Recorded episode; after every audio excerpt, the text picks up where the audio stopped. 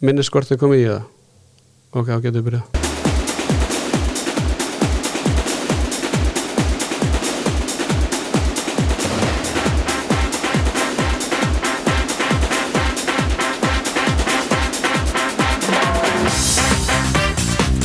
Komið sæl og blessuð og verið hjertalega velkomin í handkastið. Sérfræðingur hann er búin að jafna sig eftir erfiða daga, síðustu daga og með mér í dag Styrmir Sigursson Ertu hjertalega velkomin Styrmir? Takk að þið fyrir, ég er líka búin að jafna mig. Það ekki? Jú, jú, þetta En- var fljótt, maður var farin að hlæja þessu fljótlega þegar maður kom heim. En uh, Teddy Ponsa, hann er ekki búin að jafna sig Þannig að við erum bara tveir í dag. Hann er alltaf ætlaði að reyna að koma í dag En hann sagði bara, strákar Ég og fjölskyldan við erum bara ennþá Að jafna okkur. Já, já, hann verið vonandi klár bara fyrst daginn Já, við, það verður bara allt gert Allt kapplagt í það að Teddy Ponsa bara treysti sér að koma hinga aftur Eftir erfiðan föstudag í síðustu viku Og það er bara spurning hvort við hendum ekki í hann Bara eitthvað smá Dominos og, og Coca-Cola og, og þá verður hann bara feskur. Það er Það er ekki margir sem vita það en, en Teddy Ponsa, hann elskar pizzur. Já, ég held að leiðin að hjarta þetta pónsu sé meat and cheese.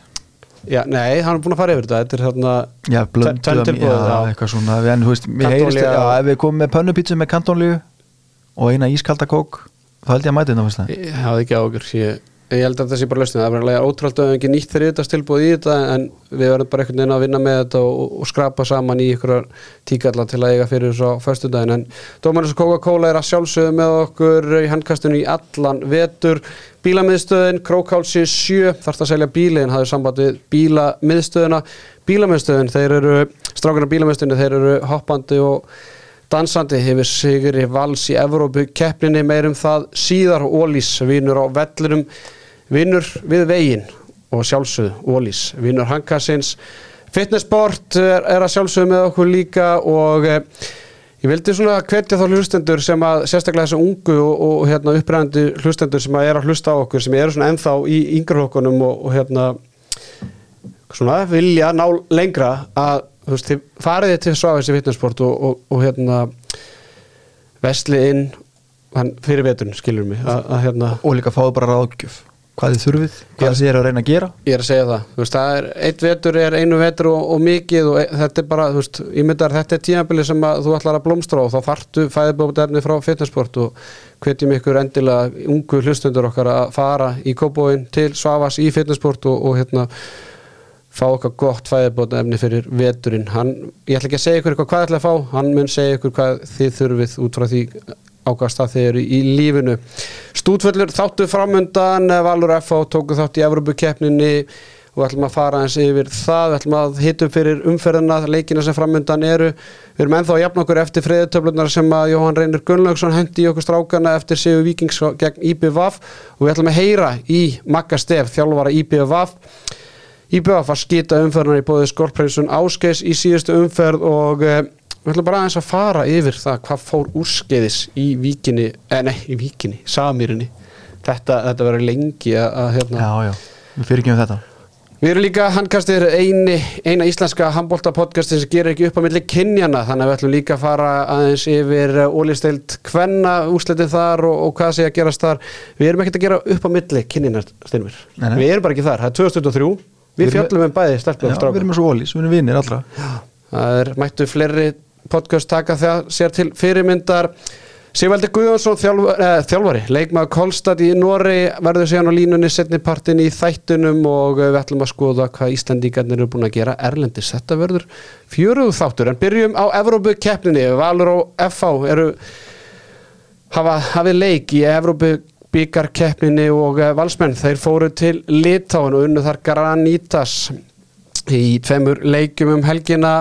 Bæði liðin Valur F á seldu heimaleginu sína og styrmir, ég er búin að að hugsa þetta síðust dag er þetta ekki orðið svona þurfum við ekki að fara að hætta að selja leikina? Jú, ég, og sérstaklega ég sé hérna hverja þið mæti næstu umferð sem komum inn á eftir, ég er að vona að F-fáingarnir taki allan annan leikin heima. Já, akkurat. Uh, byrjum á, á völsorunum þeir unnu báða leikina sína. Ekkit jú, jú, Allt í lagi ekki gott, Já, allt í skilur. lagi ekki gott. Uh, unnu fyrir leikin 27-24 og, og setni leikin 33-28 þannig að þetta var aldrei í hættu voru í Litáen, spilu báða leikin um helgina og í næstu umferð mæta þeir eistónum í Pölva Serviti Þek, Þú þekkir þá eitthvað aðeins? Nei, ég mætti þeim aldrei Nei, þú mætti þeim aldrei í Nei. þeim, þeim Evropuleikin Í sem miður. þú spilaður en, Nei. En uh, önnur umferðin í Evrópu byggakefninni fer fram í oktober með Ósku Volsson til Hamingju og uh, bíl, eins og ég sagði á hans strákundar bílamöðstunni þeir eru kampand kátir eftir þennan sigur. Já, vonandi geta bara sett ykkur að fjárhörmuna stað fyrir það ekki, Ekki veitir af. ekki veitir af. F-fangarnir þeir fóru til Greiklands og mættu Diomítis Argus frá eh, Greiklandi í borginni Ar Argos. Og eh, þeir voru, voru í vandram í, í fyrirleiknum sem endaði 32-32 en uh, vörninn skilaði þeim áttamarka sigri í setnileiknum 26-18 og Sigursteinn Ardal var heiminn lifandi í viðtalum eftir leik með vörnina. Og F-fangarnir þeir eins og, og Styrmur var að segja mæta Partisan Belgrad frá Serbíu eins og Styrmur segir við viljum ekkert að FH geti farið tvo leiki í Serbíu. Nei, við, verðum að fá annan leikin heima, alveg klálega og hérna ég fór aðeins á stúan og, og kannaði hvað hefði klikkað hérna í fyrirleikna þessum við gjörum jættubli það var aðvís bara ólíft í höllinni raggi og hitti og menn hafa aðeins verið aðlægast þessu bara og svo smallið allt daginn eftir. Ekki að spyrja að en það sem að, sem að ég samt alltaf fá aðeins að koma og svona rýna þessi er að Aron Pálmarsson skorur ekki marki setnilegum Nei, en Allan að vera að gríma ykkur með eða Ég sá nefnilega á netinu að hann var allan að hann startaði fyrstu vörðinni leiknum sko. Já, ég myndi að það er sem velta fyrir mér Þú veist, er að með skrokkin í að spila tvo leiki á tömmu dögum? Ég bara þekki það ekki að því maður sér það Allir Steinn Arnarsson var að spila þarna og skora tvö mörg og, og hérna eina bræði skora eitt, Jóhannes Berg tvö þannig að var hann að drilla bara öllum hópnum. Sem er náttúrulega bara mjög gott sem þarf að hann í að að, að hérna, spila án hans. Akkurat, uh, hlustendur sem hafa verið með handkastinu í síðustu ár uh, muna kannski eftir Sigurðið Sæmundsinni haugabananu frá því fyrra þegar að hérna haugandi töpu á móti kýpeska liðinu, ég man ekki hvað hétt, jú, Anortosis uh, en Siggi ætlaði heldur betur að vera F-bani líka því að samkvæmt heimildum handkastins þá uh, er sem sagt þjálfari gríska liðsins, uh, Sara Vínas hann er fyrir þjálfari Anortosis og hann hafði samband við Sigur Sæmundsson af því að það gekk svo vel síðasta, á síðasta ári að Sigur kom með svo gott input fyrir hérna, leikreininguna var þetta haugalið þannig að gríkinni þeir voru vel undirbúnir eftir smá heimafinu frá Sigur Sæmundsson en því miður fyrir Sigarsæm þá náðan ekki að fella F-hangana úr leik þráttur að náða að fella haugana úr leik. Þannig að passa ykkur þessu hérna íslensku liði sem er að fara að keppa í Eurókjefni passu ykkur að verði með Sigga Sæmi liði. Já, og sko, ég er ekki við sem að Siggi Sæmi sé velkomin í Jólaþorpi hérna, fyrir þennum sko. Nei, það er, verður, það er nokkuð ljóst að Siggi Sæmi verður ekki búið velkomin í Jólaþorpi í desember, það er nú bara þannig. En F-fangar og valsmenn til hamingi með þetta og eh, Evrópakefnin heldur áfram Evrópi byggakefnin 14. og 15. oktober 21. og 22. oktober ef liðin selja ekki heimalegið sinna og síðan til að koma afturhalding og íbjöf inn í þetta í næstu En virkilega gaman hvað liðin eru núna dugleg eftir æmyndir í valsari fyrra að vera með fjögur liði í Európa núna í vetur það verður ekkert smá auka bara fyrir okkur að fylgjast með Ekki spurning Herðu, það er eh, fjöru umferð framöndan í Ólistil Karla og sem hefst á fymtudagi með eh, tveimur leikum og eh, síðan fara þrjí leiki fram á förstudagin og á laugadagin eða laugadaskvöld endar síðan umferð með leikstjórnunar og gróttu. Við handkastunum ætlum að gera upp eh, leikin á förstudagskvöldið eftir stórleik IPVF Hauka sem framfer 1930 ef við bara förum strax í fyrsta leikin í þessar umferð sem er leikur fram og afturöldingar styrmir Hvað sér þau í þessum leik? Ég sé örugast að jættefli Íslandsögunar. Nei, ég held að 5-76 viðrögnum þess að liða hafa enda með jættefli en með að við hvernig liðin hafa byrjað tímabilið þá sé fyrir mig mjög erfiðan leik fyrir framara. Þú veist, uh, svona sem maður er búin að sjá þetta hvernig þetta hefur eh, spilað sér framar með eins og kannski við var búið þá hugsa ég að afturhendingamenn muni setja mikið kapp á að stoppa Rúnar Kárásson og afturrætning held ég sé ef maður talar um eins og er oft í körfunni að mattsa upp gegn liðanum, þá held ég afturrætning mattsi einstaklega vel upp gegn frömmurum í vetur með alla þessar stóru og, og stæðilegu strákar sem er búin að ná sér í. Þannig að ég get alveg sé fyrir mér að Rúna Károsson getur verið í baslísunleik Í fyrra náðu við að hafa áhrif á landslið sjálfvara Snorastein Guðjónsson með því að tala Tryggvagarðar Jónsson inn í valslið.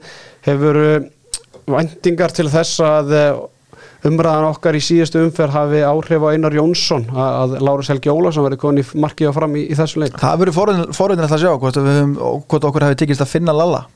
Það er hérna Ég allavega er á þeirri skoðun ennþá eftir að hafa jafnum með eftir þáttunum fyrsta en að, að, að framarar eru bara ekki á þeim stað að þeir geti leifst sér þann mun að, að hérna, sleppa því að hafa Lárus í hóp. Þeir eru með tvo virkilega unga efnilega markmenn en bara þekkandi að sjálfur hafa einu svona verið hungur hefnilegur þá er gott að hafa eitt reynslapólta með sér inn og þó að sé ekki ekki endilega að taka mínundu frá þér bara til þess að leita til á hliðalíninu og svo leið þannig að ég reikna með, reikna með því að við sjáum Lalla á hliðalíninu Það verður fróðilegt að sjá það, ég held að það sé svona mesta spennan fyrir þennan leik hvort að Lárus Helgi verði í hóp Förum í eh, kórin þar sem að og Káa eigast við og þetta er sjónvarsleikurinn hjá símanum og Káa og símin að sjálfsög með okkur í alla vetustyrmir. Já, heldur betur og hérna, þökkum þeim kellaði fyrir og sérstaklega strákunum í, hérna, símin Pay og léttkortinu þeirra. Ég er einmitt að fara að nýta með þjónustu þeirra núna næstunni, ég er að leiðinni Erlendis og það sem að þeir bjóðu upp á þar er að þú þart ekki að vera með ferðartrygginguna allt árið. Þú getur farið einfallega og sótt um hana ferðartryggingu vís engungum meðan þú ert erlendis. Þannig að þú ert treyguðu fyrir öllu þessu ruggli þegar þú ert úti, svo bara kemur þið heim kannski 6 mánuður í næstu ferð, nema þessi Tetti Ponsa sem er úti aðra hverja helgi þá getur þú bara sagt henni upp og ert ekki að borga ferðartryggingu á óþörfu. Og ég segi einfallega við mína menni og símin pei takk hjá að vera það. Takk hjá að vera það, hákáð kannski þau leið sem hafa komið Já, einhverjum ávart í upphæðu tíma bils, hákæðingar unniða sjálfsögðu hauka í fyrstu umferðinan töpuð sem hefði gróttu í svona svo kallum 60 leik, káamenn eru tablösir ennþá í öðru sæti deildara með þrjú stygg, sigur gegn Selfossi í fyrstu umferð og jættefli gegn fram í síðustu umferð heimavelli. Þetta verður aðteglisverður leikur, ég held þetta verður, já, ég held, ég held að sé e, ekki ástæðalus að þetta verður sjónvarsleikurinn Nei, bara virkilega gaman líka að fá hérna, sjóhansleik hjá nýluðum háka upp í kór. Sko, ef að hérna káamenn vinna hennar leik og verða með fimm stig eftir þrjár umferðir þá held ég þetta sé sko bara frama þeirra björtustu vonum. Aftur á móti svona sma, kannski smá baksla hjá hákvæðingum í síðasta leik en, en, en Basti var strax farin að tala einhvern veginn svona aðeins farin að undirbúa þennan leik líka í símaðutalegu okkur og veist, tala káamennu upp og, og ég held að Basti tali allt, allt öðruvísinn í hópinu við strákana sína. Þetta er bara 50-50 leikur eða 60-50 og hérna verður virkilega gaman að sjá. Minna að þú veist bara það, það lið sem vinnur hennar leik getur bara farið og borið höfuði virkilega hátt eftir fyrstu þrjárum fyrir hennar Ekki spurning Þú fegst sendaðan móla í vikunni styrmir um eh, fjárveru Nikolaj Markmannsinn sem að gekk, ja, átti að gangi ræði káa fyrir tíðanbilið hvað, hérna, hvað getur sagt okkur með það og gerur ráð fyrir að hann verði með á fymtudaginn? Sko, já, þetta var hérna, virkilega áhugavert að hérna, sjá þetta sko að vandamáli semst er að norska félagið er að krefja káamenn núna um 15.000 eurur í uppeldisbætur fyrir Nikolaj 15.000 eurur eru svona í kringum 2 miljónir ef ef, ef, reikningurinn er ekki að svíka mig 2,1 miljónir sem að gefur að skilja er náttúrulega bara hellingspeningur fyrir handbóltalið á Íslandi og, og hérna þetta er svona orði nýtt að nálinni menn að það eiga menn hafa verið að lendi í þessu undanfærin ár við hérna, voru með markmann minni mig í kvennaliðinu sem allt henni fengur bara reikningi hausin upp á svipað upp á sem þeir greita því að þeir voru byrjað að nota hann og allt gott og blessað, ég stið það alveg að liðin sé að fara að fá peninga fyrir leikmennina sína en handbóltin er kannski ekki alveg með sama budget og, og þekkist í fókbóltanum hann að hérna, það þarf að vera eitthvað svona millifugur í þessu sem að lið er á að við þetta og ég fór sjálfur líka velta fyrir mig sko, eru íslensku liðin að sækja þetta þegar sínum menn leikmenn fara erlendis? Já, þetta er bara þannig að ég geti reynd að útskýrta fyrir fólki að reglurna breytust fyrir tveimur árum síðan að áður fyrir þá þurftu ekki að borga upphildspætur fyrir leikmenn sem kæmiði áhuga mannsamning en því var breytt núna fyrir tveimur árum síðan að þó að leikmenn sé að koma áhuga samning að þá þarf samt að borga upphildspætunar og það er hárétt að upphildspætunar eru rosalega háar með að við, svona, eðast, með að við bara peningana sem er í gangi sérstaklega hérna heima og ég, tók, ég man bara eftir því þegar ég var með gróttun og við vorum að leita okkur útlendinga við vorum búin að finna eitthvað uh, serpa sem var fættu 99 sem var þá þú veist 21 ás og við þurftum að hafa samband við tvö öndu fjölu bara þú veist ætlið að myndu rukka okkur og svo náttúrulega geta þau alveg sagt eitthvað munlegt eitthvað svona nei við rukkum okkur ekki og svo kemur bara reikningurinn. Hann að þetta er stóra hættulegt og En þú veist það sem að ég er til þess að velta fyrir mig þú veist Dagur Gauta, Hafþór þú veist.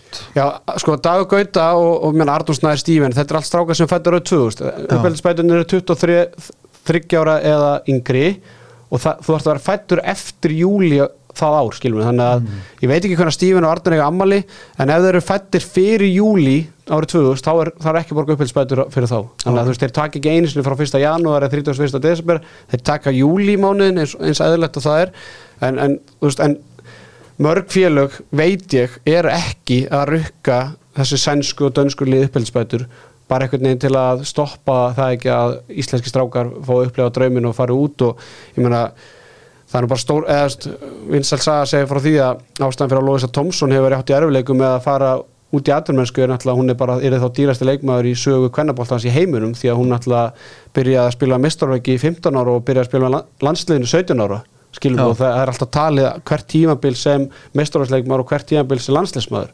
Þannig að margir vilja meina það að það sé eina ástæðan fyrir að Lóisa Tomsson fór ekki útferðin í fyrra þegar hún var orðin neðilega gömul til að það var ekki hægt að rukka og ég menna ég held með þess að hún hafi verið lánuð út Já, til að geta komist fram, já, til að geta komist fram með þessum, þessum reglum. Akkurat. Þannig að það verður fróld að sjá það hvort að normaðurinn verður komin í markið. Ég fór aðeins á, á stjá, hafði samband norður. Þar voru menn, vildum lítið tjá sig um þetta, en bendum mér á það að normaðurinn verði klár á 50 daginn og verði í hóp uh, uh, og vildu meina það að það væri búið að semja við félagi hvort að það hefur verið samið um eitthvað aðeins minni greiðslur en sjáum hvað verður á, á 50 daginn.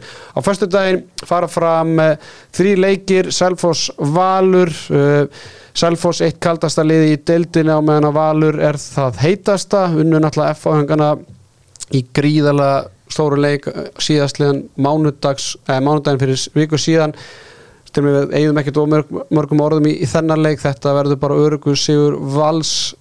Annað er þið stórslis Heldur betur og hérna ég hvet bara selfisinga eins og við rættum í síðasta þetti að bara reyna að tjastla sínum mönnum saman, við erum ekkert að taka óþara á áhættu í þessum leik, stórleiku þeirra er í 50 umferðinni, þannig að þú veist, bara reyna að gefa mönnum bara mínútur í kroppin og er einslýsar í deild, en þetta ætti því miður fyrir selfisinga að vera virkilega eða óvinnandi verkefni sem eru að fara í á fyrstæðin algjörlega. Og síðan annar leikur á föstudaginn það er leikur FH og Víkings. Eins og ég nefndi á en Víkingarnir hendu heldur betur freyðartöflum í andlita og okkur strákurum í handkastinu í viðtali.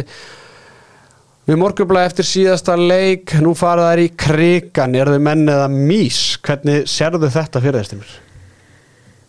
Já, nú þórum að alltaf tjá sig sko. Nei, ég, við tjáum okkur, ég er bara, ég er sammála Ég- þetta, þetta er bara 50-50 leikur ég ætla að vera svo gummi gumbara sem talar upp alla anstæðinga Íslands í gennum tíðina þetta meina- bara F-fæðingar þurfa að passa sig en þú veist öllu grín sleftu þá þurfa náttúrulega þurfa F-fæðingar þetta, þetta er alveg vítið til varnaði fyrir að hafa séð hvernig hérna, eigamenn komin í hérna, síðasta leik. Já, já, ég held að þetta sé bara mjög þægilegt fyrir F-fang að mæta Víking eftir Já, Síðasta veist, leik, er komið með þú veist, stíð á töfluna og þú veist, það eru mikill léttir bara hjá þeim og bara vel gert en, en, en, en ég reikna með gífurlega erfiðum leik fyrir það á, á föstudaginn. Ekki og, spurning. Og líka tala um F að koma heim úr Európa-kefni hópurinn á þéttari, þetta er svona smá, smá uh, mórosk hverð líka. Þannig að ég rekna með Að leik IBF og hauka á eftir. Förum ber beinta á laugadagina sem að stjarnan og gróta eigast við. Stjarnan ennþá án stiga og meðan gróta vann gríðarlega mikilvæg leik gegn gegn háká í síðustu umferð. Ég meina stjarnan þarf bara sigur í þessum leik. Já, ég held að sé líka bara lúmsk pressa inn í leikmannhórnum að verða vinnuna leik sko, og þú veist, eins og Tetti kom inn á því síðust að þætti stjörnumenn eru sko, þú veist hvað þú segja, þú veist, búin að spila vel í 45 mjöndur í báðan leika, það er búin að ná að setja góða 45 mjöndur saman, en svo kom þessar, þessar, þessar 15 mjöndur og þær eru svo rosalega lélegar að, það, að þessar 45 ná ekki eins og bætað upp, sko, þannig að nú þarf stjarnan bara að setja saman kannski svona bara heilstéttari framistuðu fram, þú veist, við þurfum ekkert að sjá þess endilega að þvílíku hæðir hjá þessar 45 mjöndur, þurfum bara að fá rauninu bara jafnari framistuðu og í 60 mínútur og ég fer bara, þú veist stjórnum hljóta bara að fara fram á það að, að hérna stjarnan vinnina leik. Þetta er svo kallega 60 leikur fyrir þá. ekki spurning eh, þá er bara eitt leikur eftir í því- þriðju umförinu sem eftir að ræða og eh, það er leikur IBF og Hauka sem framfæra á föstudagskvöldið eigamenn alltaf að koma tilbaka eftir tapa mútið vikingum Haukarnir búin að jafna sig eftir tapið mútið Háka þannig að þetta eru bæði lið sem búin að tapa mútið nýluðum í upphæði móts þannig að þú veist þetta verður bara já ég held að þetta verður náttúrulega svona þetta er náttúrulega stærsti leikur umferðinar það er ekki spurning skilur mig en En já, ég að geta eiginlega ekki tjá mig um þetta. Ég fór aðeins inn á Kúlbett hérna, ég sá það að eigamenn eru stuðulega með 1.75 og, og haugarnir 2.35, þannig að Ég held að það sé nokkuð rétt, menna heimaöldurinn í eigum hefur alltaf verið sterkur, uh, tóku afturhendingu í meistara meistarana, þetta er fyrsti heimaleikur þeirra í ár, þannig að ég, og eftir vombriðin í síðasta leika, þá held ég að eigamenn komið dýrvittlustur inn í hennar leika, meðan haugarnir kannski svona smá léttir að hafa náða allan að tveim stöfum út í stjórnunni. fara penningarnir þínir þá á eigamenn í þannig að. Ef ég er þið neittur til þess að eigða peningum í eitthvað svona, þá myndi ég sennilega setja það á eigamenn, já. heldur betur Herðu, fyrir þáttinu þá heyrði ég í Magnúsi Stefánsinni Magnúsi frá Fagraskói eigamenn voru alltaf skýta umferðunar í búið skolprensun áskes í síðasta þætti og heyrum aðeins hvað Magnús hafði að segja. Magnús Stefánsson, þjálfari IPVAF uh, þið fenguð þann uh, vafa sama Já, titil, skýta umferðunar í búið skolprensun áskes í síðastu umferð. Tókst þið persónlega og, og fenguðu þjónustu frá skolprensun áskes um helgina? Já, það er lótt að segja það. Hérna, við erum bara vel að þessum titli komnir og hérna, þó séum nú kannski ekkit aðlega stoltir á honum en, en hérna, en svona er þetta bara. Hvað, ég meina, já, þú segir að svona er þetta bara, þetta hefur svolítið svona loða við eigamenn síðustu tíðanbíl og það sem að svona mann eftir byrja með, þegar maður var að fylgjast með þessu og fjallum þetta og svona alltaf var ég að þjálfa í dildinu að, að það svona kom man ekkit á óvart að eigamenn töpu kannski einu tömu leikjum með tíðanbílið annarkvort stórt eða eitthvað svona leikið sem var bjórstu fyrirfram að þið myndi ekki tapa. Já, það er alveg, það er alveg hár rétt og, og hérna, þú veist, alltaf einhvern veginn hefur maður trúið því að veist, þetta verði árið sem að við kannski, þú veist, látum þetta ekki koma fyrir eða hvað maður að segja, skilur, ég, hérna, það er búin alltaf búið að tala um hérna vannmatt og eitthvað svona, þú veist, bara, þú veist, hérna fólki í kringum okkur og svona, var þetta algjört vannmatt hjá okkur eða hvað er í gangi og eitthvað svona, ég, sko, mér finnst að líka pínu kannski ósangetta á vikingarna skilur þeir, þeir voru bara betri en við á öllum sviðum í svona leik, það verður bara að segja það alveg hreint út. Og hérna, þeir voru miklu aggressívari hérna, sóknarlega og þeir voru miklu fastara fyrir heldur en við varnarlega og þeir áttu bara allt skilið út úr þessu leik sem við fengu sko, bara þannig að, að því sé haldið til haga og, og þeir gerðu þetta bara vel, Gulli og Andri löðu leikin vel uppgreinlega og strákarnir þeirra mættu klárir í leik og samanskapið má þú segja kannski líka hérna, mögulega lögðu þá ég og Róland ekki leikið nógu vel upp eða, eða við undirbyggum liðið ekki þannig að þeir væru tilbúnir eða, eða drenginir undirbyggum séu ekki nægilega vel til þess að vera tilbúnir skilur við, menna við hverju býstu? Þetta var að mæta nýliðum í dildinni verandi ríkjandi íslensmeistari það er, það er allir að koma til þess að taka almennilega á okkur sko. Þannig að þetta á ekki að vera, þetta á ekki að vera neitt surprise, skilur mig. Og kannski svona það sem við vorum að gaggrina var kannski líka aðalega svona sóknarleikurinn sérstaklega á móti þessari Júka 5 sem að þið eru náttúrulega þekkti fyrir að spila. Sóknarleikurinn hjá ykkur, hann var bara hægur og, og, og bara þú veist fyrirsjánlegur Ég hef okkur ímyndið að við erum búin að æfa að móti þessari vörn á æfingu hjá okkur sjálfum í síðastlegin 13 ár sko. Þannig að þú veist, þannig síðaskiluru ættur að geta farið í leik á móti liðið sem þú veist er að spila eins vörn og við og bara þess að þurfa nokkuð að, rifja eitt eða neitt upp sko. mm -hmm. skiluru, en, en auðvitað voru við með hérna, eitthvað svona sem við lögum upp með fyrir, fyrir leik og, og gerða eins og þú segir, bæði hægt og illa sko. hvenær, svona, að er á því í leiknum bara, herra þetta er ekki okkar dagur Uh, úf, ég held bara skilur það kannski svona eftir að það var maður svona þannig að það var ógi bara svona eftir átjándu, 20. mínútu bara svona þá var maður búin að henda öllum inn á einhvern veginn og búin að prófa einhverjar breytingar og já, veist maður hafði náttúrulega samt alltaf einhvern veginn trú á því bara hérna við við hefum eftir að rökkva í gýrin og þá fyrir þetta bara að ganga eins og tannhjól mm -hmm. við hefum gert ofta en einu svona hjá okkur sko. Já, ég meina gerist í, í fyrstu umferði lendi 12-6 undur mútið stjórninu og koma síðan tilbaka þannig að maður svona Já, alveg, það er einmitt það er gott dæmi um svona, veist, þetta bara allt í hennu small í smullu tannhjólinn saman og þetta fór bara svona, þú veist að matla en það einhvern veginn kom ekki og kannski bara voru menn allt og með þetta erum að býða eftir því einhvern veginn, þú veist.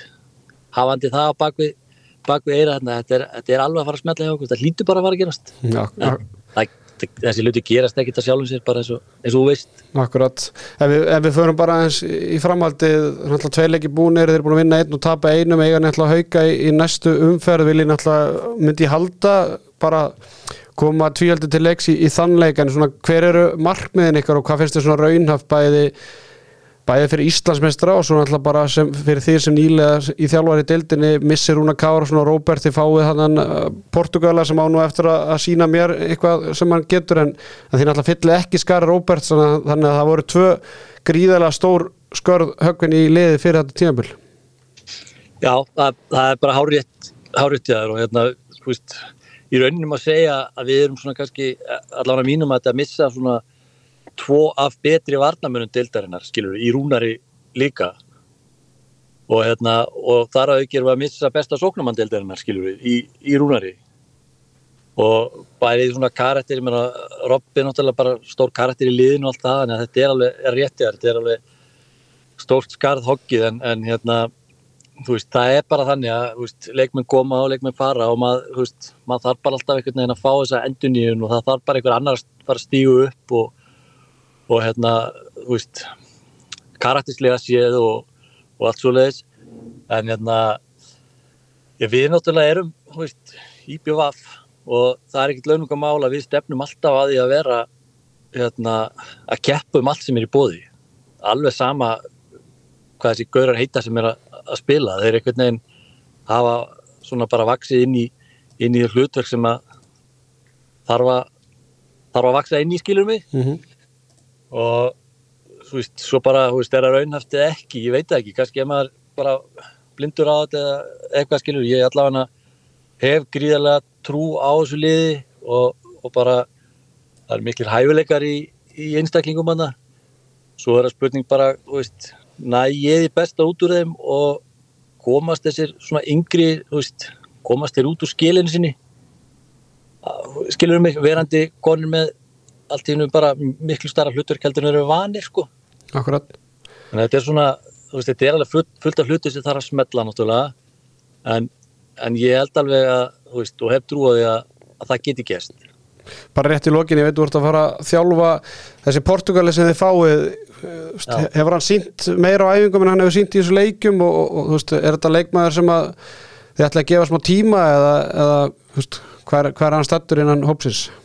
Já, hann er, er, hann er alveg búin að vera stjólurt sprækari svona heldur en að hann hefur kannski sínt í leikjum og, og það er kannski það er líka alveg svona alveg smá trikki fyrir nýja leikmenn að komast inn í svona sérstaklega sóknarleikin þar sem að þú veist, þessi spænski stíl kannski krefst þess svolítið að, að leikmenn þekki inn á hvern annan hvenar á ég að fara í árásuna, hvenar vilt þú að, að vilt þú að ég fari ára sinna og hvernig vil ég að þú fari ára sinna og, og lesa svolítið svona boti lengur til okkur öðrum bara í í, í sagt, stimplunum og annað sko og hann er náttúrulega ekki komið þángað en þá komum við kannski inn á skilur við þjálfara lisis sem að það er kannski þá aðeins að snýða stakket í vexti skilur við mig mm -hmm. og hérna auðvitað viljum við vera notast við sama konsept og við höfum verið að gera en, en leikmenninir eru náttúrulega ekki sömu og hafa verið þannig að þú veist, maður þarf kannski líka bara þess að, þú veist, og ég þarf náttúrulega bara að skoða þess mínanálgun og, og, og annað. En það spilar alveg helling inn í líka. Akkurát Magnús Stefansson, eh, takk hjá að fara að taka upp tólu þegar að sérfrækun heyrir í þér og, og ég ætla að vona ef við þurfum ekki að senda Skorprinsun áskils aftur til ykkar í vetur. Nei, ég ætla að fá að segja eitt og lókum Já. Ég er hérna bara gríða lánaða með hann þáttsveru með og þetta og það sé þó þessi umfjöldun þannig að bara hrósa á ykkur, mér finnst að bara gegja framtæk Takk hjá að verða Magnús, það er alltaf heiður að heyra svona.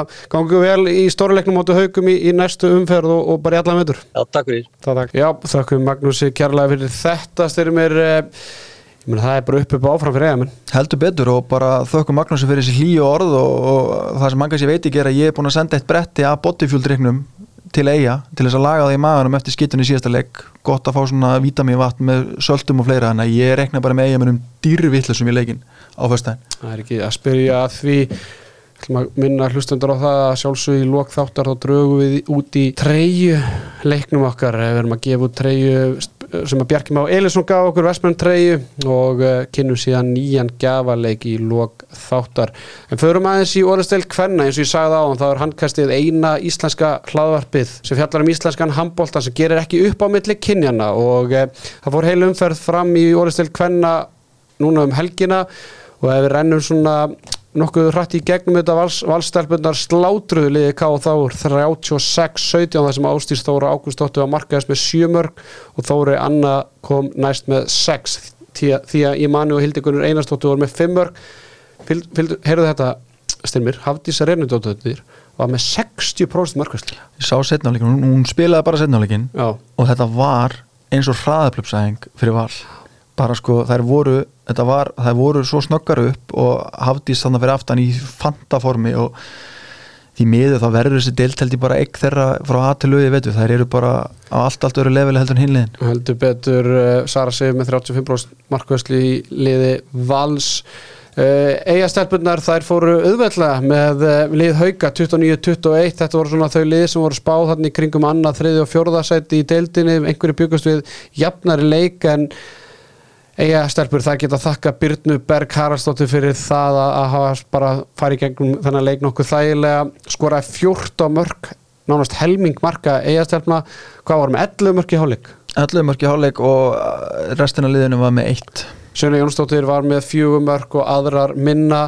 Marta Varsikovska var með 44% markvæslu það er ekki þetta að erum að gera, gera mikið grína á þessum markvæslum hjá stelpunum í ólistildinni Elin Klara á að markaðast haukastelpa með 6 mörg og Margret Einarsdóttir með 30% markvæslu þetta er alveg markvæslu Já og ég veldi svona fyrir mig sko svona eftir að þetta er náttúrulega 8 marka sigur, alveg stór sigur en svo hugsaði til þess ef að haukastelpunar hafa ferðast yfir á lögadagsmótunum, mun og öll hvernig var hvernig veðrið var á lögadagin, það getur að hafa verið smá reyði í þeim að hafa lendi í álveru suðu austanátt heldur betur framstelpunar unni nýlega IR 28-21 þar sem Lena Margret uh, var markaðist með 13 mörg úr 14 skotum. Svala Júli og Erna Margret komu næsta með 4 mörg úr 5 skotum. Góð skotinding þar.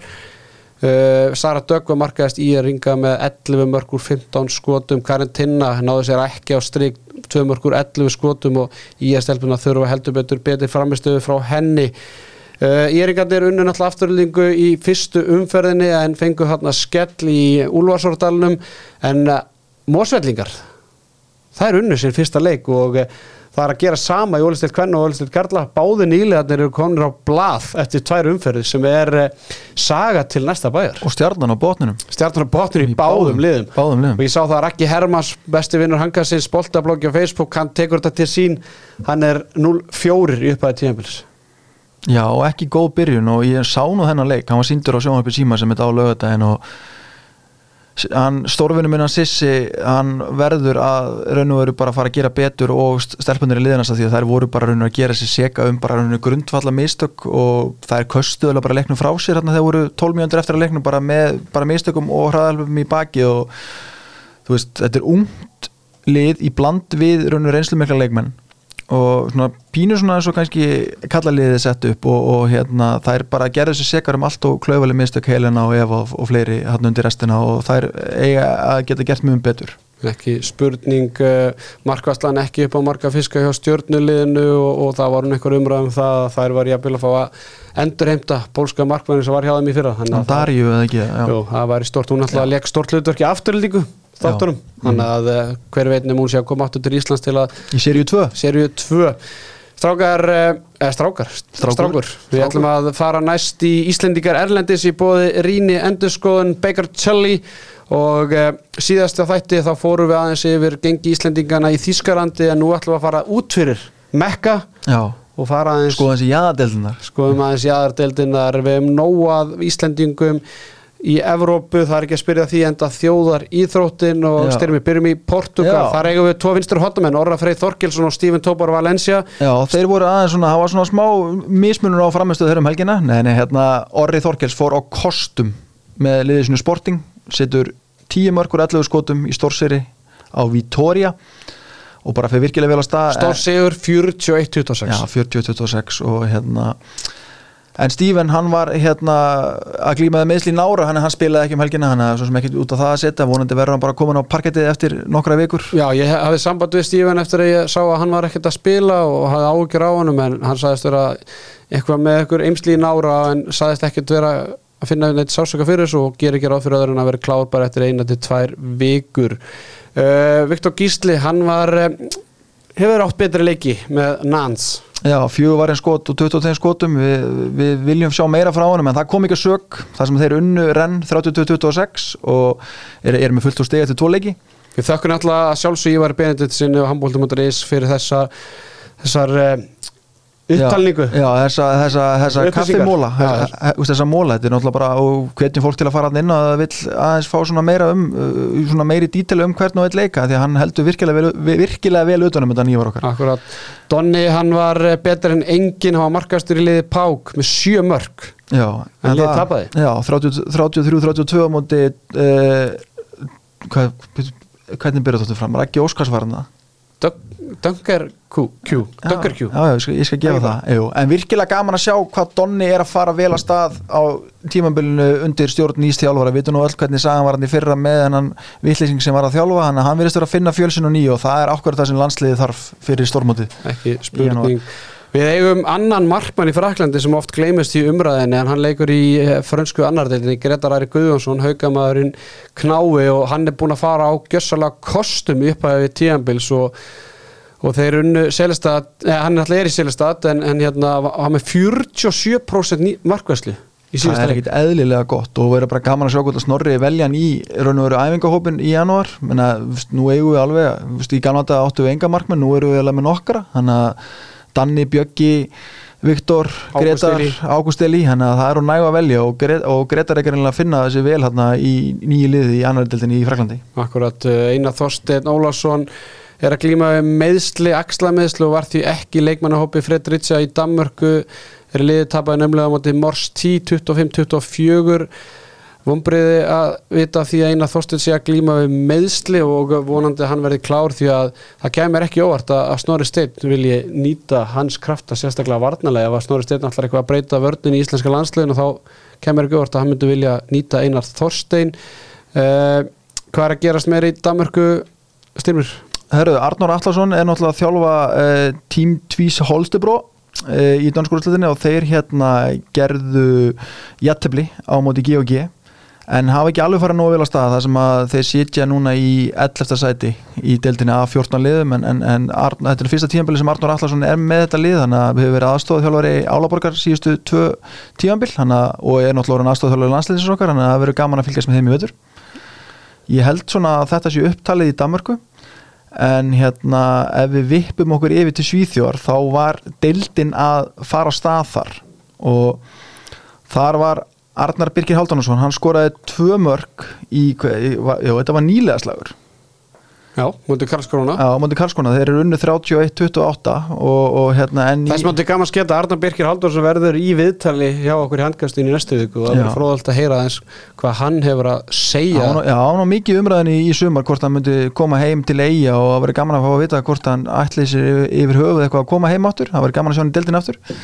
En kannski að líka komin á það að í liði Karlskrona eigum við nú þrjá fulltrúa og þar er náttúrulega okkar einlega reynslumestli maður í sænsku deildinu Ólafur Andrés Guðmundsson, hann skoraði fjögumörk Dagur Sverrir Kristjánsson sem er kannski svona einu okkar óvæntasta svona sala hérna út deildinni beint út, skoraði eitt mark og Þorgils Jón Svölu Baldursson var ekki í leikmannahópi í Karlskronin þessum legg við eigum fleiri leikmenn í sannskutöldinni uh, Tryggvi Þórusson, selfisingur Þeir, með þeir eru ekki farnir að stað. Nei, þeir eru ekki fattur á stað, ég ætla bara að koma eins inn á það en taka það fyrir að stila mér orðinu. Skulum ekki vera að eða og möglum mínúndum í ykkur leikmenn sem er ekki komnir af stað En- veturinn er langur. En Óðin Þór Ríkarsson er komin á stað. Ó, sjokker Já, eins og hérna skoraði nýju mörg úr tól skotum. Óvanlegt hvað hann þurfti mörg skoti í þetta. Hann er nú ekki vanur að, klúra en svona einu í leik.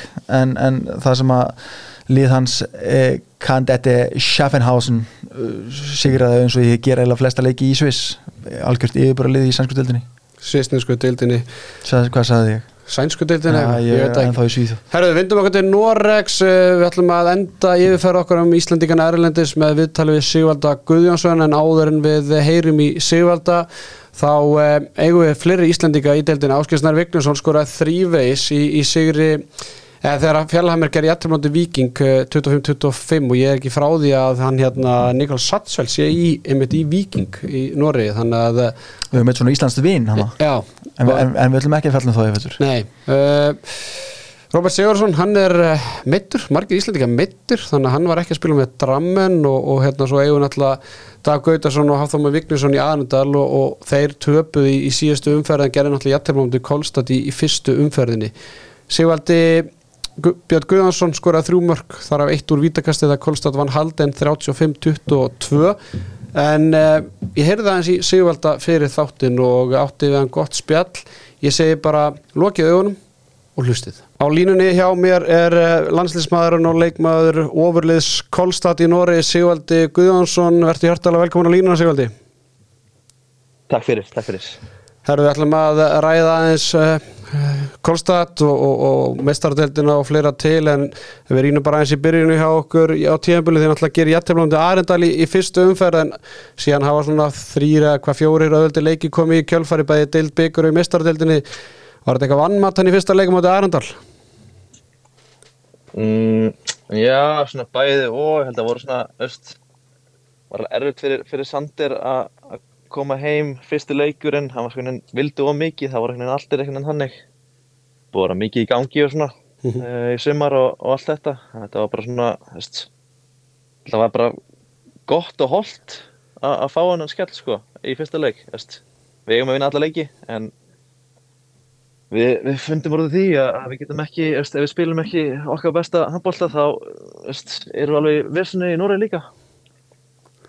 Ég veit, þú talar um þessa heimkomi á Sander Sakurs en það er náttúrulega að við þekkjum þessa heimkomi í gegnum Aron Pál Pálmarsson og við náttúrulega vorum veistandi þar og það náttúrulega var algjör geðveiki, hvernig svona þú veist, núna er Sander Sakurs sem komið inn til Norex, finnur þau fyrir svona auknum áhuga á íþróttinu og kannski á sérstaklega að, að kólstadliðinu Já, klárlega, klárlega, þetta er náttúrulega þetta er náttúrulega byggt um, upp um kringum hann sko, hann er, er, er hjút sinna í Núri, það, það er, þetta er náttúrulega bara með um stærstu íhrita nöfnum í Núri og það er alveg stórt, þannig við finnum alveg fyrir því. mm Þeir náttúrulega félagi var náttúrulega mikið á, á, á milli tannan á fólk í sumar og, og það náttúrulega kannski ekki á jákvæðan hátt en þannig að það byrjaði kannski jákvæðt þegar að allir landsleismennir voru að koma en síðan komum þessar fréttir um fjárhagsörðuleika við félaginu segðu okkur aðeins bara svona hvernig þetta hafði áhrif á þig og hvernig þetta svona snerti þig bara í upphafi þegar þetta kemur út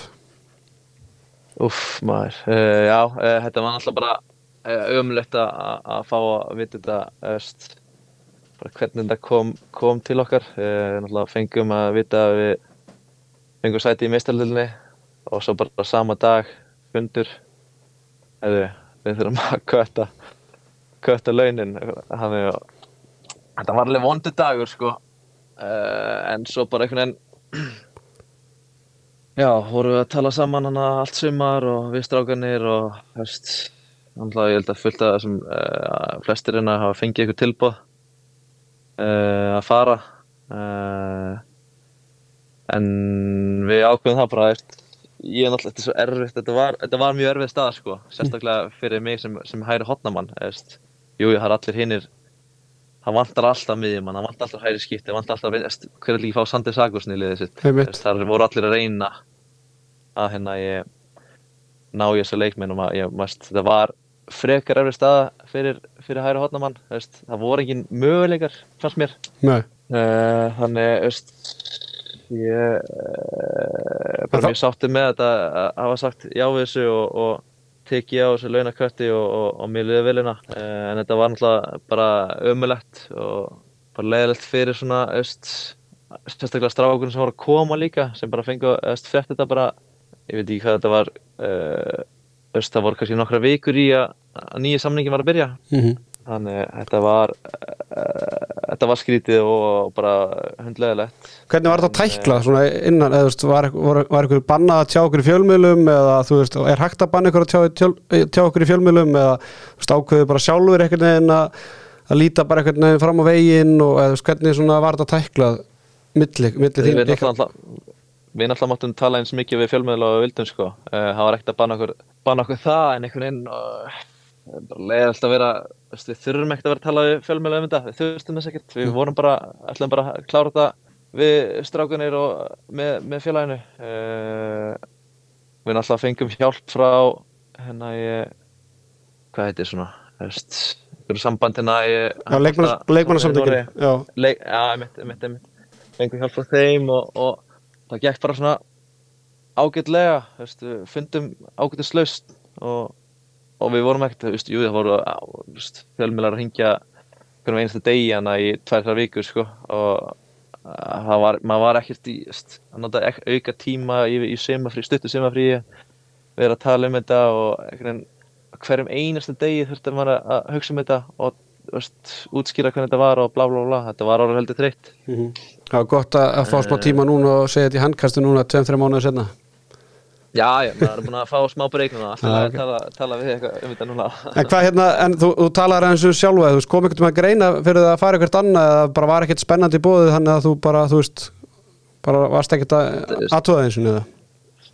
Jú, jú, veist, auðvitað var maður að, skoða þetta, það er náttúrulega klart mál, en það var ekkert nógu spennandi til þess að, veist, við vorum að fara að spila í mestaldilinu, mm. við vorum að, ég er að fara að spila 60 mynd í hverjum leik í mestaldilinu sem er alveg mjög hendugt og bara gaman fyrir mig, e, þannig þetta var, það var ekkert nógu spennandi til þess að ég sagði nei við þessu. Mm Hvað hérna, en, en náttúrulega Janustadi fyrir þarna til Magdeburg, kannski eh, innan gæsar bara stálheppi bara á réttur leikmaður á, réttum tíma í, í þeim meðslavandræðin sem Magdeburg var í. Já, það er náttúrulega bara besta liðið heimi Já. að fá þetta uh, fá þetta tilbúð, veist, ég, ég skila hann alveg. Mhm. uh, bara veist, spila í þýskudeldinni, spila í mestrardeldinni, nýbúin að vinna vinna mestrardeldina hann er uh, auðvitað skiljan uh, en samt alveg hundlega að missa hann því þetta er uh, maður missa Janus á bara hann er hann er aldrei verið jafn góður ná síðustu árin sko. Mm við erum að með svona versta tíma. Mhm. En hvað hérna, þið náttúrulega missi Janustad þið náttúrulega bættu kannski ekki endilega við náttúrulega bara kannski ekki staða til að vera okkar að bæta við með að við fjárasöruleikana en, en er gert ráð fyrir eitthvað svona fleiri heimslæsta leikmenn gangi til liðsvil félagið þú veist á næsta sumar eða var það hugmyndin en, en er búið að bakka út úr því eða hvernig sérðu svona framhaldið hjá Kolstad? Bara segjum eftir þetta tíðanbíl er, er bara verið að taka þetta tíðanbíl og svo vitið ekkert meira eitthvað Nei, náttúrulega, núna held ég að klúburinn bara er kannski búin að bremsa aðeins. Uh, þetta, þetta tók það fór svolítið hrætt, að stað og kannski var þetta aðeins svo mikið fyrir þá. Uh, bara, jú, það er náttúrulega búið að vera stríð og, og hérna ég samfélagi er ekki alveg eftir hérna, fyrirtæki allavega í, þrámteima og Nóri er ekki að henda penningnum bara út í, eitthvað svona íþróttadæmi mm. þessi öll íþróttaliði bara í heiminum sem er, eru í erfuleikum uh, þannig við, við ætlum bara uh, býja og sjá uh, þetta, ég hef einhvern veginn góða tilfinningar með þessu sko. ég held ég ná að- að að redda þessu og vonandi uh, kannski ekki næst árið að við sækjum einhverja heimslæsa leikmenn en, en þá kannski eftir Vest, eftir það tímabill, þannig gefum þessu smá tíma. Ég hef, hef einhvern veginn trú á þessu verkefni. Mm Þú ert eini erlendi leikmennin í liðinu. Er það eitthvað svona stefnu hjá félaginu að spila bara norsku leikmönnum eða, eða er þetta bara svona, akkurat núna? mm, ég veit ekki hvort það sé eitthvað stefna ef maður ætlar að veist, uh, ef þetta eru nógu góði leikmenn þá er náttúrulega bara ekki að vera með norska, leik, le, norska leikmenn það, það auðvöldur aðeins. Mhm. uh, en, en við sjáum til hver, hvernig þetta verður. Uh, ég held að það sé ekkert eitthvað möst að vera með uh, norska leikmenn en, en það er svona Kannski erfitt að fá, kannski auðveldur að fá normenn til, til Noregs sjálfsögðu. Já, náttúrulega með, með, með uh, bara all landsliðana sko, erst spyrunlið með hotnamenn það það- það völdur alveg Hvernig er svona umræðan einmitt með það, með marga landsliðsmenn að spila í norsku deildinni, ég myndi halda það að menn sem að kannski fylgjast mikið með norska landsliðinu vilji kannski að sína besti leikmenn sig að spila í sterkari deild, finnur eitthvað fyrir því að svona umræðan kannski á öðrum sem að stiðja Kolstad, bara heyrðu af hverju ekki Sandur Sækars og spila í betri deild eða Jóhannes en eða fleiri, þú veist, finnur eitthvað fyrir þeirri umræðu? Nei, voða lítið sko. Ég, eh, náttúrulega, þessi leikmenn sem eru hérna, eh, Jörhann, Magnús, ég er alveg búinn að vera svolítið veist, mikið mittir bara í svona tímbil yfir sinn feril. Mm -hmm. uh, og ég held að þeir eru bara vonast til þess að allir séu ferskir og, og, og heilir þegar er móti í januar uh, það er svona auðvitað, við erum í meistarleginni uh, við, við erum að spila á móti bestu við heimum heimi og, og okkur langar að vera bestarlegið heimi. Þannig ég, nei nei, alls ekki, við finnum ekkert fyrir því. Ég held að það sé bara fólk veit af þessu og, og, og veit af að, að þetta sé gott fyrir, fyrir þessu leikmenn að fá uh, kannski aðeins auðvöldar leiki í, í norsku deildinni og, og svo vera alveg tilbúinir og ferskir í, í meistaldina mm -hmm. og landsleinu. Mm -hmm. Þeir náttúrulega ég veit ekki hvort það hafa verið óhefnið með reyðil en, en, en hérna, þeir er alltaf með gríðarlega sterkum liðum í, í reyðili mestaraldinu, þeir eru með Kíl, þeir eru með Álaborg, París, Big Segget, Kílse þeir er alltaf vinnið hann í Eurofarm Pelestar í, í fyrsta, fyrsta umfyrir sem maður myndi kannski halda að væri auðvaldasti anstæðingurinn er, er ekki bara markmið að komast í þetta þarna, þessa 16 úslit já, verið í top 6 á sem 8 og komast í 16 úslitin Jú, jú, klálega. Eða komast í, í áttalúslit minni eða svona tólulega úslit eða hvað sem maður segir. Já, jú, við ætlum að uh, okkur langar að komast ángar sko. en, jú, þetta er, er hörku hörðill en uh, við erum allir heilir og, og við erum með veist, góða vörn og við erum, við erum með mjög góða vörn og, og oftast mjög góða markmann. Uh, þannig það, ég held að við erum alveg á svipu level á öllu þessu lið sko. við getum alveg unni öll liðan í riðlunum á heimavilli uh, það eina er náttúrulega bara breytin við megjum ekki missa missa einn eða tvo leikminn þá verður þetta strax erfiðara. Mm. Þeir náttúrulega bara kýlse bara strax núna á, á fymtudaginn uh, var ekki gaman ef að Haugur Þrastarsson myndi fá að spila þeim leik Jú, hann var náttúrulega með í, ég held að hann, hvað? Síðast, já, síðastu heldur, jú. Síðastu leik. Jú. Já, ég bara var ekki ekki að fá hann til, til Norex og spila mútið þeim, náttúrulega taka tvö steg, var ég frábært. Þínu gömlu félagar. Jaha. Það gleymist að þú náttúrulega spilaðar í, í, í Pólandi, serðu fyrir þér og endi fyrir í Noregi, eða hvernig svona serðu þetta fyrir þér? Úf, það er svo mörg ára eftir, ég hef ekki hugmynd, ég, ég veit það ekki. Það fyrir kannski eftir hvað Kolstad lifið lengi. Já, Einmitt, algjörlega. algjörlega. Herruði, Snorri Steit Guðjónsson, hann tók í Íslenska landsliðinu núna bara fyrir sumarið og, og það stittist í fyrsta landsliðsverkefni á honum, æfingarleikir á móti færum og svo náttúrulega bara EM í, í janúar. Hvernig svona lístur á þessa ráðning að fá Snorra Stein og, og hérna, og hvernig svona stemmingin hjá landsliðstrákurum bara komandi tilbaka eftir vonbreiðin síðastu janúar? Ég, ég held að við séum bara allir ógeðslega spendir fyrir bara þessu verkefni núna. Bara sjá hvernig það verður með snorra og, og, og við erum allir mjög peppaðar í að standa okkur miklu betur heldur við gerðum í janúar við veitum það, það, við erum miklu betri en hvað vorum að sína í janúar. Eh, þannig við erum Ég er alltaf mjög spenntur að sjá hvernig það verður. Ég, ég hlakka mjög mikið til. Mm -hmm. Þú náttúrulega ert í byllandi samkefni, einn heitasti bara hotnamaður í Evrópi og Ónþór Ríkarsson er í, í samkefni við með, í landsleginn. Þú varst nú búin að egna þessa stöðu lengi vel en, en núna verðist vera bara því lík samkefni. Hvernig svona er ykkar samskipti og, og hvernig er allt í hérna að vera að koma með einhvern annan hákáing í, í hérna einhverja samkefni? það er bara ekki ekki. Við erum, vi erum mjög góðið félagar uh, og við erum bara einhvern veginn við erum gott mat sko. Uh, við erum kannski aðeins svona öðruvísi týpur á handbóltallinum um, ehm, og einhvern veginn fyttum vel saman. Við okkur líðum vel saman og, og öst erum að stiða einhvern annan.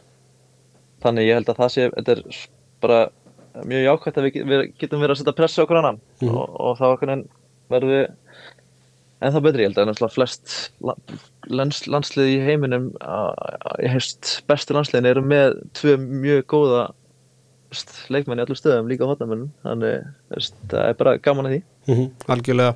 Sigvaldi Guðjónsson, leikmann Kolstad og íslenska landslýsins, takk hérlega fyrir að taka upp tóli þegar að sérfræðingun heyriður í þér og, og gangið vel sérstaklega með Kolstad og að sjálfsögur líka með íslenska landslýðinu í janúar.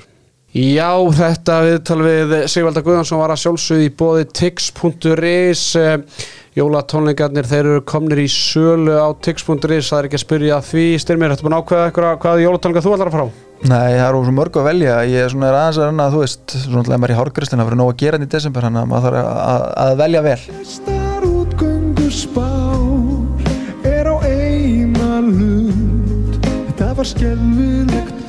Er Jólinn kom ekki hjá mér fyrir en ég fyrir á bakalút En það, verða með tónleika veitur það? Ég trú ekki öðru, Nei. Bara trú ekki öðru sko. Það er ekkert það er engin jól í ár nema að bakalútur kiki í heimsókn. Uh, þátturinn uh, fer senn að ljúka hjá okkur strákunum. Uh, við ætlum að draga út í treyjuleik handkassins í samstarfi við Bjarkamá Elísson og Styrmir, þú ætlar að fara með höndina í pottin Hérna, nafnið og sjá Sigurðurinn í já treyjuleik Kankassins og Bjarkma Eilissonar er uh, engin önnur en Erna Haraldsdóttir sem tók þátt í leiknum í gegnum hvað Instagram sínist mér. Þannig að við óskum Ernu Haraldsdóttir til hamingu með það og hún getur Haft samband við mig bara. Haft samband við Styrmi Við Sigursson ætlum að hafa bara sama háttun og síðast. Sigurður Jón sem að tók treyjuna hjá honum Viktor Gísla, hann, hann hafði upp á mér og fann mig og hann hlustaði. Annars, annars tek ég Vestbjörnum treyjuna. Þetta er bara sama, þið þurfa að hlusta til þess að vinna í Það handkastinu er bara ekki spurning þannig að Erna Haraldsdóttir, ef þú ert að hlusta hafið samband við Styrmi Sigursson eh, á samfélagsmiðlum. Og uh, þú getur uh, fengið treyjuna hjá honum hvar og hvena sem er allan tímann sólarhingsins og uh, en þeir sem unnu ekki að þessu sinni ekki örvænta því að uh, næst er komið að því að við ætlum að gefa treyju frá landslismánum Elliða Snæ Viðarsinni, gummisbak treyju. Notað? Hún er nott, við erum búin að fá henni í hendur og uh, það eru Harpiks klessur á henni. Það er ekki frá Sakosin frá síðasta tíðanbili eða eitthvað svo leiðis Já, þannig að þið getur verið að fá þarna Harpiks klessu frá Sandor Sagosen í kaupæti, tvei fyrir eh, svona jáðra við eh, það að ná að toppa Dominos tilbúðið en ekki alveg. Ekki alveg. Það toppar lítið tvennu tilbúðið frá Dominos. Handkasti verður ekki lengra þessu sinni. Við gerum upp þriðju umferðina á föstu daginn eh, og eh, veljum þá eh, allt í sleikmanninn og skitu umferðina og hvað og hvað. Þakkum hlustuðuna þessu sinni. Verði sæl